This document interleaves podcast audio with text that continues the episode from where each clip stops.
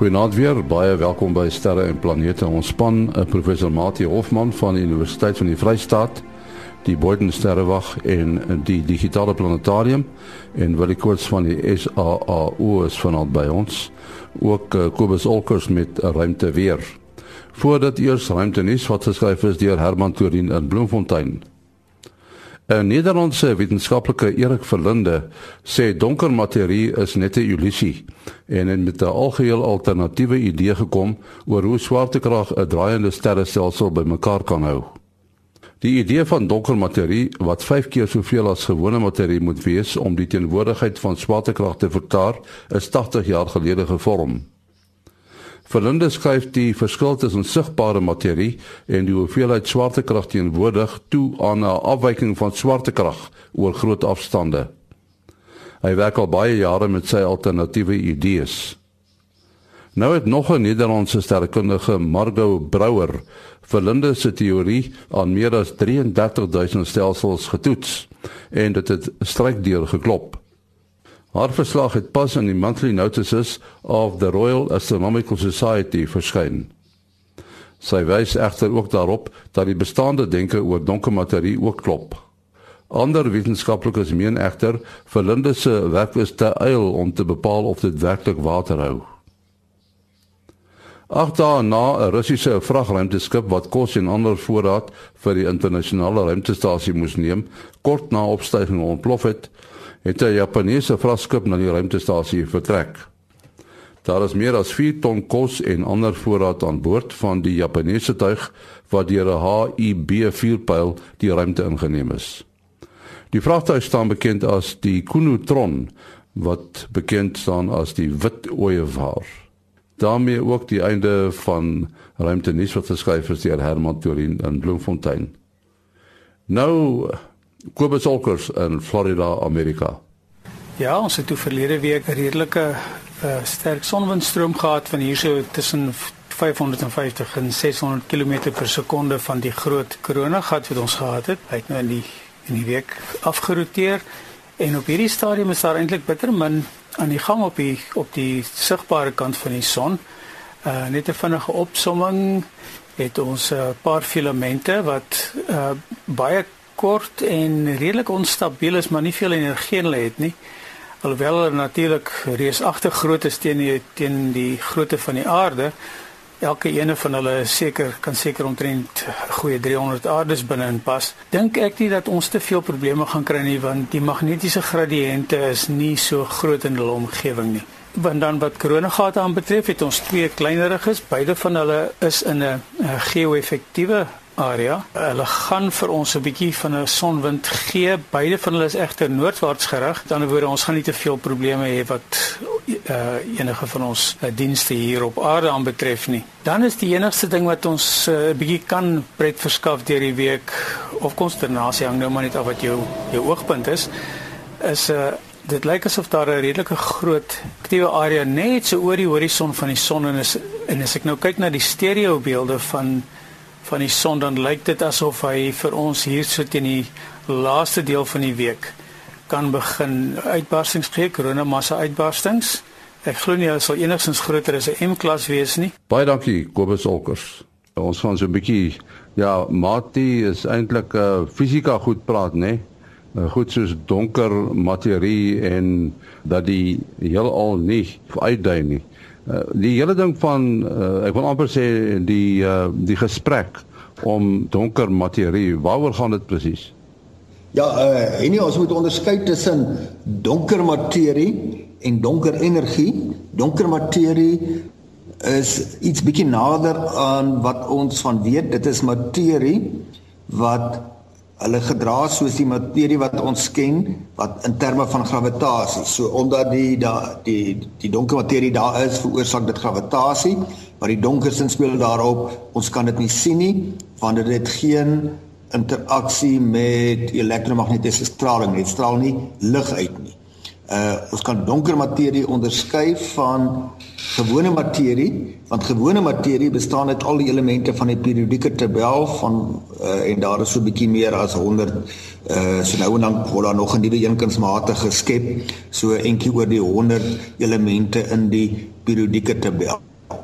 Uh maar dan 'n donker materie het op die groot skaal nog dieselfde effek as die sigbare materie deurdat dit materie na mekaar toe aantrek en as ons nou dink aan die uitdaging van die heelal die op groot skaal die wegbeweging van al die sterrestelsels van mekaar af dan het gewone materie en donker materie via hulle kollektiewe aantrekking het 'n effek wat hierdie uitdaging stadiger maak. Dit is analoog daaraan as jy 'n 'n cricketbal opgooi in die lug, dan gaan hy al uh hoor maar hy gaan stadiger en stadiger tot hy omdraai weens die effek van gravitasie. Nou so 'n klomp jare terug is die uh, Nobelprys toegeken in uh, dit was in 2011 aan drie wetenskaplikes uh Paul Mutter van die Universiteit van Kalifornië Berkeley Adam Rees van die John Hopkins Universiteit en Brad Smith van die Australian National University. Vir hulle ontdekking dat die uitdaging in die heelal op die baie ver skale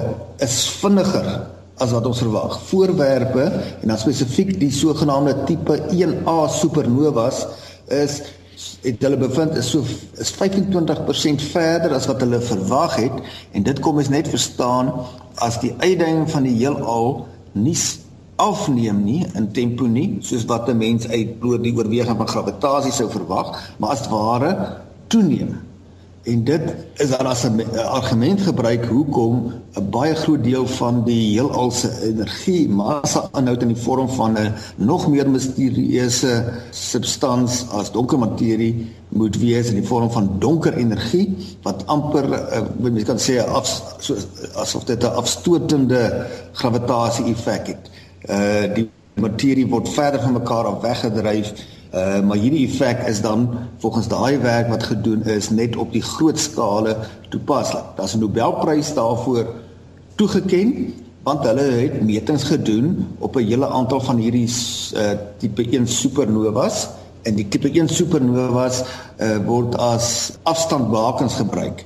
Alle tipe 1A supernovas, dit is nou wit dwerge wat uiteindelik uh weens ekstra materie wat daarop inval uh in duie stort en 'n klomp energie vrystel.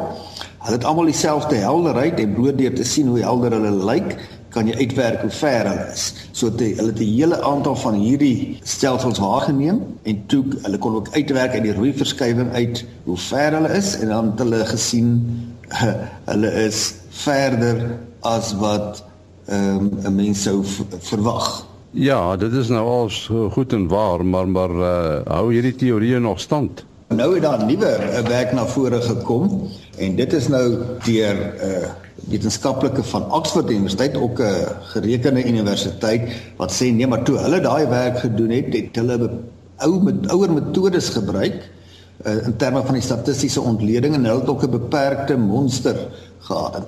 Tussentyd het hulle die aantal sulke tipe 1A supernovas wat waargeneem kan word met 10 vergroot. Hulle het nou 'n monster van 740 waarop hulle kon werk en die akkuraatheid waarmee die volgende vorige span hulle bevinding bekend gemaak word, hulle verwys daarna as 'n 5 sigma.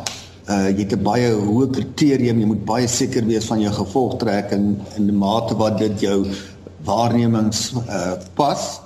So uh, jy sê so op 'n 5 sigma is daar 'n baie baie klein kans dat die data buite jou bevindinge val en hulle het gesê nee maar op die grond van die nuwe inligting is daardie data nou uh statisties uh, baie minder akkuraat op 'n uh, vlak van 3 sigma.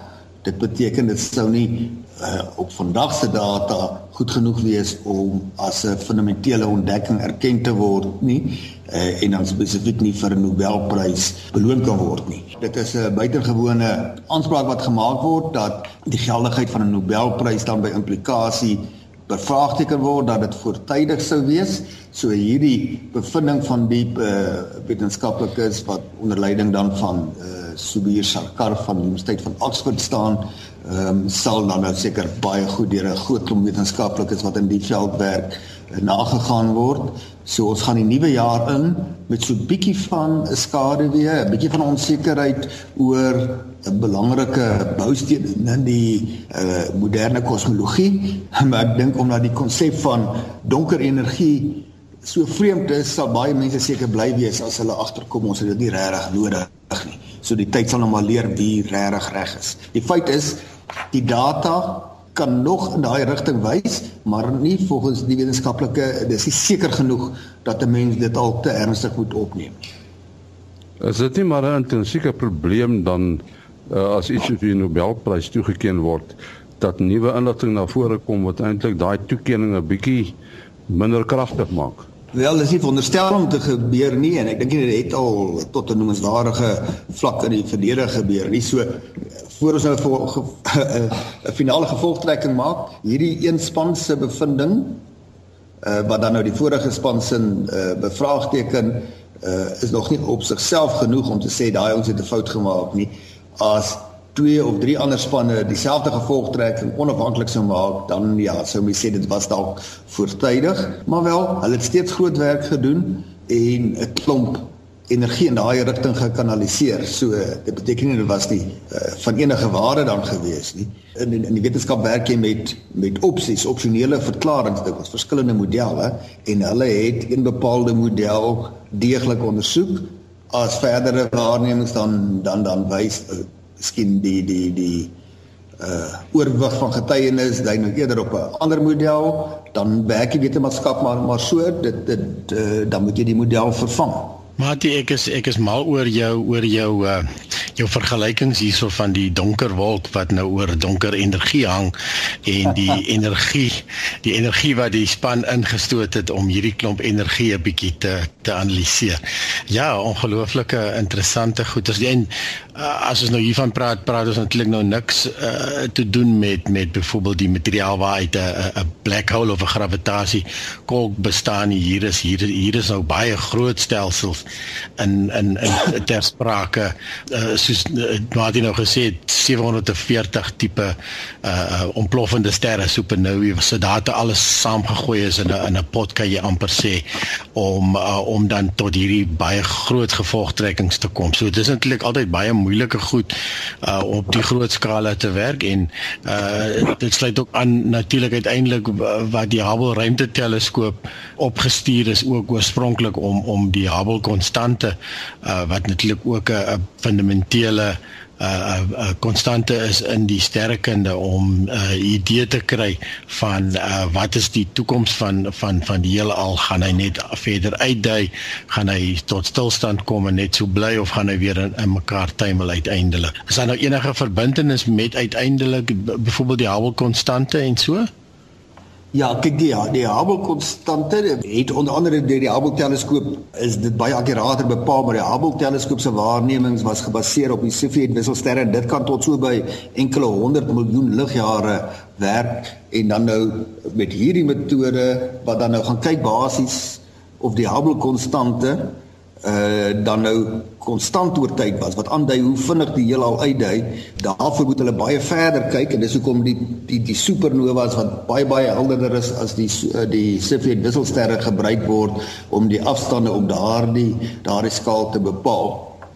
Uh ek ek wil net byvoeg die rede hoekom dit so belangrik is om hieroor klarigheid te kry as ons nou onder kyk na die gewone materie, die periodieke tabelse materie teenoor hierdie donker materie en die donker energie, die periodieke tabel se materie na raming is maar 4% van die massa energie uh in die heelal. So dit wat ons reg weet wat dit is is 'n baie klein persentasie. Dit is eintlik uh, uh ontstellend. So as dit dan nou blyk dat ons nie met hierdie donker energie en die uh, versnelde uitdaging van die heelal ons meer daaroor hoef te bekommer nie, dan word die probleem daarom daarom kleiner, maar dan sit ons nog steeds met die gewone materie teenoor die donker materie en die die donker materie wat dan nie uit die periodieke tabelse elemente bestaan nie. Dit is nog steeds baie meer, omtrent met 'n faktor 5 as die gewone materie en die effek daarvan kan baie oortuigend raak gesien word uh indirek by wyse van die uh rotasie in sterrestelsels, maar meer direk by wyse van die buiging van lig rondom groot groepe sterrestelsels wat lig van ander stelsels agter hulle om hulle buig by wyse van dan 'n kom sê 'n kolossale lens-effek. Dit is tog interessant dat uh, al hierdie dinge as mense daarvan praat, ek dink nou aan 'n uh, eenvoudige term soos uh, elektrisiteit. 'n Mens kan nie eintlik elektrisiteit sien nie, net jy sien die gevolg daarvan. Dis dieselfde met wind Jy sien nie die wind nie, jy sien die gevolg daarvan. En dis waarskynlik dieselfde met donker materie en energie, as ek nie reg nie, uh, Mati. Uh ja, baie dinge dink ons ons uh sien die ding soos wat hy is, maar ons sien maar effekte en ons voel effekte. So dit, dit is goed gestel ons werk aan die die aard van van entiteite word maar bepaal deur die effekte wat hulle op ander entiteite het. Dit word net meer beklemtoon deur sekere soort stelsels wat ons nie eers in die optiese lig wat ons dink aan om te sien hoe iets lyk dan dink ons aan die optiese lig. Maar baie van die entiteite word waargeneem op heeltemal indirekte maniere wat niks met gewone optiese lig uh te doen het nie. Dan is dit nou maar effekte. Uh en dan gee jy 'n uh, rede agter die effek en jy baie van die elementêre deeltjies wat uh, ontdek word jy sien nie daai deeltjie direk nie, jy sien blote effek en dan sê jy op grond van die sistematiese effek en die aard van die effek, uh, ken jy dit toe aan 'n deeltjie wat dan nou die nodige eienskappe het om daardie effekte vir uh, te veroorsaak. Uh, dit lyk net vir my of dit wat ons weet van die uitspansel en uh, die die sterrehemel, dit is maar die die gevolg van insig en toerusting, is ek reg? Ja, bepaal. Die eerste, die belangrikste ding in die natuurwetenskap is die waarneming en die meting. Uh en dan interpreteer jy dit, jy probeer sin daaruit maak deur jou teorieë en jou modelle. En as jou waarnemings oor 'n lang tyd op 'n sistematiese manier al meer en meer jou teorie bevestig, dan dan begin jy dink daar moet 'n baie nou verwantskap wees tussen jou teorie of jou model en die in die werklikheid daar buite. Maar die model word nooit die werklikheid nie. Dit word altyd 'n benadering, 'n gerieflike ding wat vir jou help om voorspellings te maak en 'n bietjie beheer te kry oor die wêreld om jou. So die E is mc kwadraat. Dis nog 'n teorie, maar is die beste teorie. Ja, ja, dit is 'n baie goeie teorie en dit gaan nou spesifiek oor die uh, die konsep van energie massa dat jy die twee konsepte nie onafhanklik van mekaar moet beskou nie. Energie kan gekompakteer word in massa soos wat ons dit ken en massa wat 'n uh, gekompakteerde materie is kan deur bepaalde prosesse weer omgeskakel word in ander forme van energie wat gedelokaliseer is soos elektromagnetiese energie wat die ruimte ingestraal word en dit is presies wat in sterre gebeur waar die kernsmelting van beginnende by waterstof in die middel van die sterre lei tot die vorming van heliumkerne wat bietjie eh, wel wat wat dit vier deeltjies bestaan terwyl die waterstof uit 'n enkele proton bestaan. Maar in die proses gaan daar massa verlore. As jy nou net die massa sou meet maar die die klein verskil in massa as ons dit nou delta m sou noem kan jy maal met die spoed van lig kwadraat. Dit is nou die c kwadraat in e gelyk aan mc kwadraat. So 'n klein hoeveelheid massa wat omgeset word na ander forme van energie kan vir jou baie groot hoeveelheid van energie gee omdat die spoed van lig wat dan nou nog gekwadreer word in die uh, formule so 'n baie groot getal is, weet 300 000 km per sekonde. En dit is die rede hoekom die sterre vir biljoene jare kan energie uitstraal afhangende van hoe groot hulle is. Die groter sterre brand vinniger uit. Uh, hulle gaan baie vinniger deur daardie versmeltings uh, siklusse maar kleiner sterre of gemiddelde sterre soos ons son kan sê 5 biljoen jaar lank skyn. Op daai helder noot met ons uh, afsluit. Maat jy jou besonderhede? Uh, en die selfoonnommer 083 625 7154 083 625 7154 En dan uh, berig aan 0724579208 0724579208 My e-posadres maas.henny@gmail.com maas.henny@gmail.com Tot die uh, volgende keer, mooi loop.